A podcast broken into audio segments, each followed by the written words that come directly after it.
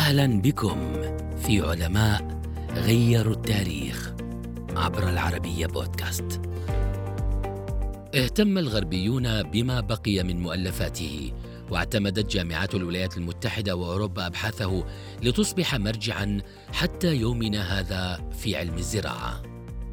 إنه خبير النبات وأحد أشهر علمائها أبو عبد الله محمد بن إبراهيم بن بصال الطليطلي المعروف بابن بصال الأندلسي.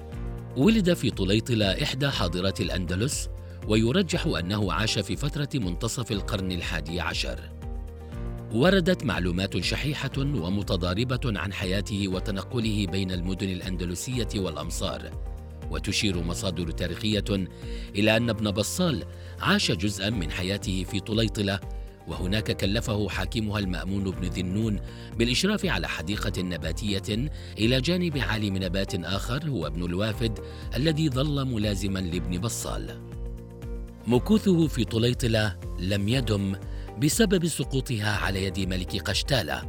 كما تنقل بين العراق واليمن والحبشة وصقلية والهند وخراسان قبل أن يعود إلى الأندلس ويستقر في حاضرتها إشبيلية.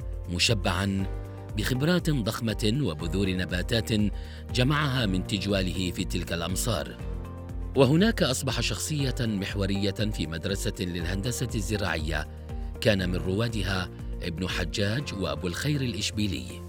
ما ميز ابن بصال عن غيره من العلماء أنه كرس حياته للهندسة الزراعية دون غيرها من العلوم وهو ما أكسبه خبرة عظيمة في هذا المجال استثمرها في المجال النظري والتطبيقي.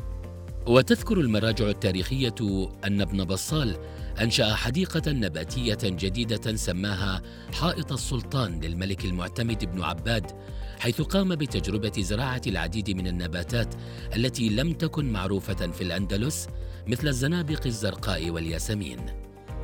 ألف موسوعته كتاب الفلاحة واختصرها بمجلد واحد سماه القصد والبيان. ويعتبر هذا الكتاب فريدا من نوعه لأن ابن بصال استند في تأليفه على معرفته وخبراته فقط.